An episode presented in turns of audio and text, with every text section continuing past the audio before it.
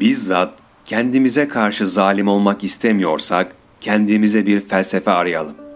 Zira sabah uykudan gözlerimizi açarken üstümüze çöken ümitsiz karanlık, o içler oyucu yaşamak korkusu ruhumuza imanın aydınlığını getirecek bir felsefenin eliyle uzaklaştırılabilir.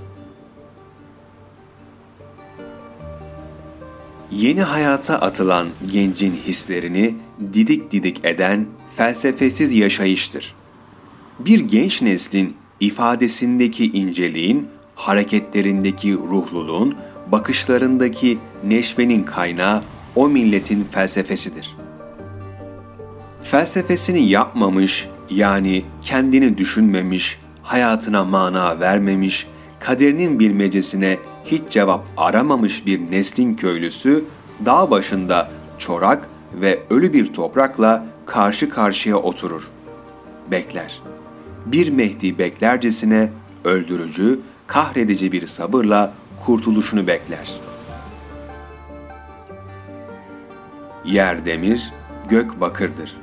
Onlar da kader ne getirirse onunla yetineceklerdir.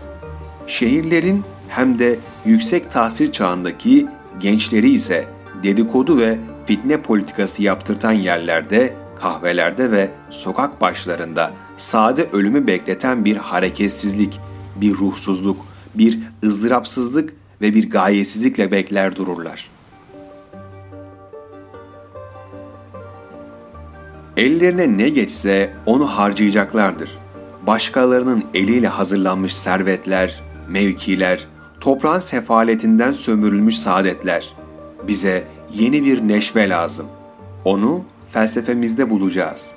Dünya anlayışımız yenileştiği zaman varlığımız yeni bir hayata kavuşacaktır.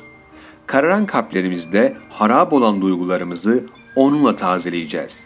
Neyi sevip neden soğumamız lazım geldiğini kalbimize o anlatacaktır.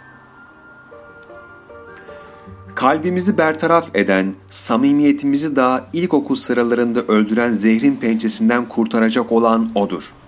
Alem şumul merhametin sesini bir defa olsun içinde duymamış, bütün hayat yolculuğu zalimi övmek, mazlumu dövmek maharetiyle geçmiş nesillerin perişan ruhunu kurtaracak olan telkin, asırların imanıyla yüklü bir insan felsefesinden çıkarılacaktır.''